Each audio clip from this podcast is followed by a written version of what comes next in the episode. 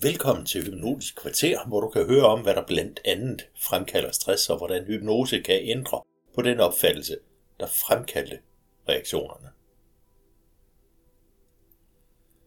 Stress er en folkesygdom. I sådan omfang, så mange af dem, der har det, ønsker at kalde det noget helt andet. Det er som om begrebet belastningsreaktion bliver brugt oftere og oftere, og det beskriver i virkeligheden måske bedre det, der sker.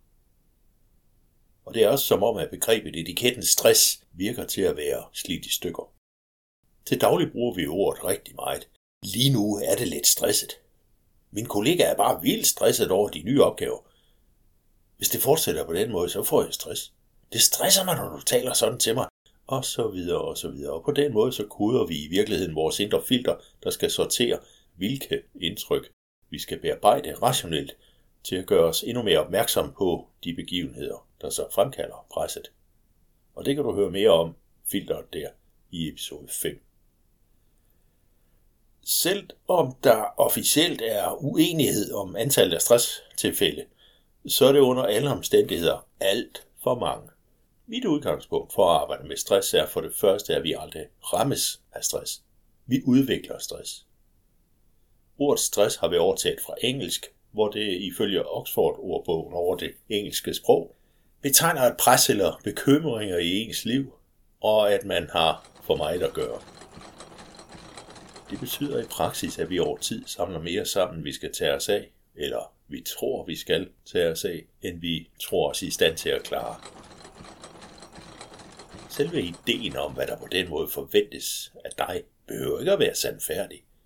Alene det, at du tror, det er op til dig at klare alt på din indre forventningsliste, vil få din hjerne til konstant at forsøge at finde løsninger på opgaverne.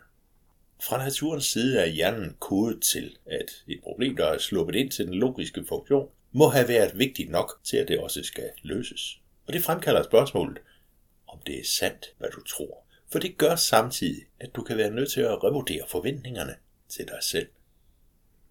Langt de fleste af de mennesker, jeg har hjulpet med at få styr på oplevelsen af stress, satte i virkeligheden voldsomt meget højere krav til sig selv, end alle andre gjorde.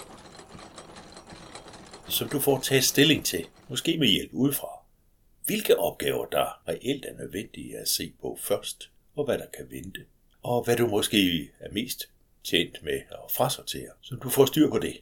Så vil din hjerne langsomt kunne begynde at klare op og det er fordi, du skal stoppe, når listen er fuld. Kunsten er så derefter at undgå at fylde for meget på den igen. Og her kommer vi så ind til emnet med vaner og rutiner. For det meste faktisk op mod 95% af alt, hvad du tænker og foretager dig hver dag, det styres af din underbevidsthed som vaner og rutiner. Vanerne regerer i din underbevidsthed, og de får dig til, nærmest som på autopilot, at gå igennem dagen, som du gjorde i går og logikken i det er lidt for enkelt. Du overlevede i går, altså må det være den rigtige måde. Også selvom du måske synes, at det at overleve er for lidt i hverdagen. Vaner bygger på tanker og idéer, som du engang tænkte kraftigt nok, eller som du har tænkt længe nok til, at de fik plads. Som om de var sandheden om dig og verden. Uanset om det, der fremkaldte den oprindelige idé, var behageligt, så vil dit indre tankesystem have accepteret løsningen som et tilstrækkeligt selvbillede af dig og derfra fortsætter autopiloten så med at føre dig igennem de samme forklaringer, gentagelser og oplevelser, som du kender alt for godt. Løfter til dig selv om at motionere mere, spise sundere og lade være med at skille ud og sove, når du er træt og alt andet, de er kun aktuelle, mens du tænker dem. Og derefter, så hurtigt det går, tager rutinen over og giver dig igen den gamle oplevelse en gang til. Og her kan hypnose gøre en stor forskel. Din hjerne har en kritisk sans. Det er en funktion, der skal sikre, at du ikke bliver snydt af nogen.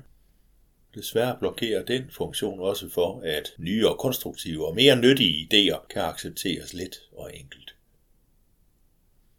Når du går ind i den hypnotiske tilstand, der minder meget om din oplevelse af at falde i søvn, hvor du hverken er helt vågen eller helt sovende, så reduceres hastigheden i hjernen, og så kan den kritiske sans ikke længere være aktiv, og der kan så etableres nye og mere konstruktive idéer, som din underbevidsthed vil optage som sandheden om dig.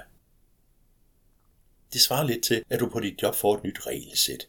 Det fortæller, hvordan du forventes at løse dine opgaver, og forestil dig så dit eget indre regelsæt som den manual, din hjerne automatisk bruger som et opslagsværk. hver gang der sker noget omkring dig.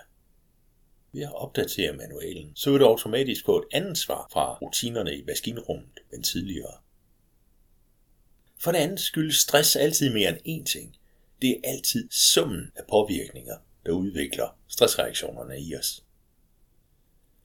Klassisk så udpeges for eksempel jobrelateret, familieafhængigt og meget andet som årsagen, men der er altid flere ingredienser i gryden med stress.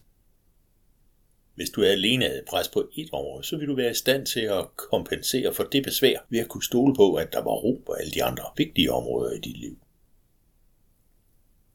Tilbage i 1970 udviklede sociologen Aaron Antonovsky ideen om oplevelse af sammenhæng, eller OAS.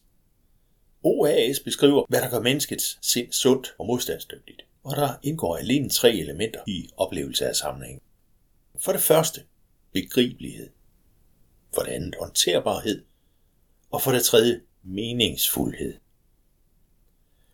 Til det første område hører selvfølgelig, om du forstår, hvorfor det sker for dig. Hvis du forstår hvorfor, så har du nemlig lettere ved at finde en måde at håndtere situationen og din hjerne vil da lettere kunne overveje mange mulige løsninger for at finde den bedste, når du tror på, at det kan du godt klare. Vejen igennem opgaven, den skal give mening for dig. Du skal kunne forbinde dig med de årsager og virkninger, der er i situationen, og du skal kunne acceptere, at det er sådan tingene er. Og husk, det handler her ikke om det, der sker, om det er okay, men alene om, du kan acceptere, at det sker. I mange stressfremkaldende situationer så hører jeg om, at der mangler en eller flere af de her tre faktorer, og så er mennesket sådan indrettet, at det alene vil forstærke følelsen af usikkerhed, der igen skærper opmærksomheden, og hvis elementerne stadig mangler, så vil det forstærke den negative udvikling, indtil utrygheden overtager, tager styringen og fjerner muligheden for at gøre ret meget konstruktivt selv. Mange af de mennesker, jeg møder med symptomer på overbelastning, har svært ved at sætte grænser de er pligtopfyldende kolleger, der gerne tager den ekstra opgave og går det ekstra stykke for at holdet kommer igennem en svær tid. Problemet opstår, når den svære tid, spidsbelastningen, bliver normaltilstanden. Vi er alle sammen skabt til at kunne præstere mere end normalt i en kortere periode. Men når perioden bliver for lang, så er det en naturlig reaktion for krop og sind at lukke ned. Naturen i mennesket beskytter sig selv ved at udelukke yderligere overforbrug af symptomerne af de sædvanlige, alt for velkendte svimmelhed, tunnelsyn, hovedpine, koncentrationsbesvær, dårlig søvn, forringet hukommelse. Fortsætter påvirkningen, så kan kroppen udvikle fysiske reaktioner, der skal reducere fortsat overforbrug. Og hvis det bliver nødvendigt, så lukker hjernen for alt andet end livsnødvendige funktioner. Derfor er det nødvendigt at sætte grænser for dine grænser, altså hvad du vil være med til, og hvad du ikke vil, bygger på dine værdier, hvad der er vigtigt for dig. Værdierne igen, de står på et fundament af alt det, du i tidens løb, særligt igennem din opvækst, har forstået og anerkendt som godt og sundt og nyttigt. Har du for eksempel haft forældre, der stræbte efter altid at leve op til andres forventninger, som strakte sig mere, end du godt kunne se, de trivedes med, så vil det være nærliggende for dig at gøre det samme. Det fremstod som vigtigt for de mennesker, du lærte mest af, og derfor blev det en sandhed for dig. Har dine forældre modsat været totalt upåvirket af, hvad andre tænkte eller sagde om dem, kan det have givet dig typisk to muligheder. Du kunne lære at være ligeglad, eller du valgte, at sådan ville du under ingen omstændigheder fremstå. Den sidste løsning ser jeg ofte suppleret af mobning og drillerier i børnehaven eller i skolen, for forhold, som forældrene havde skabt, og som barnet var fuldstændig uden indflydelse på. Værdier kan du høre mere om i episode 13, og måske er det en overvejelse værd at arbejde med dine værdisæt. Det handler også om bevidste valg og fravalg.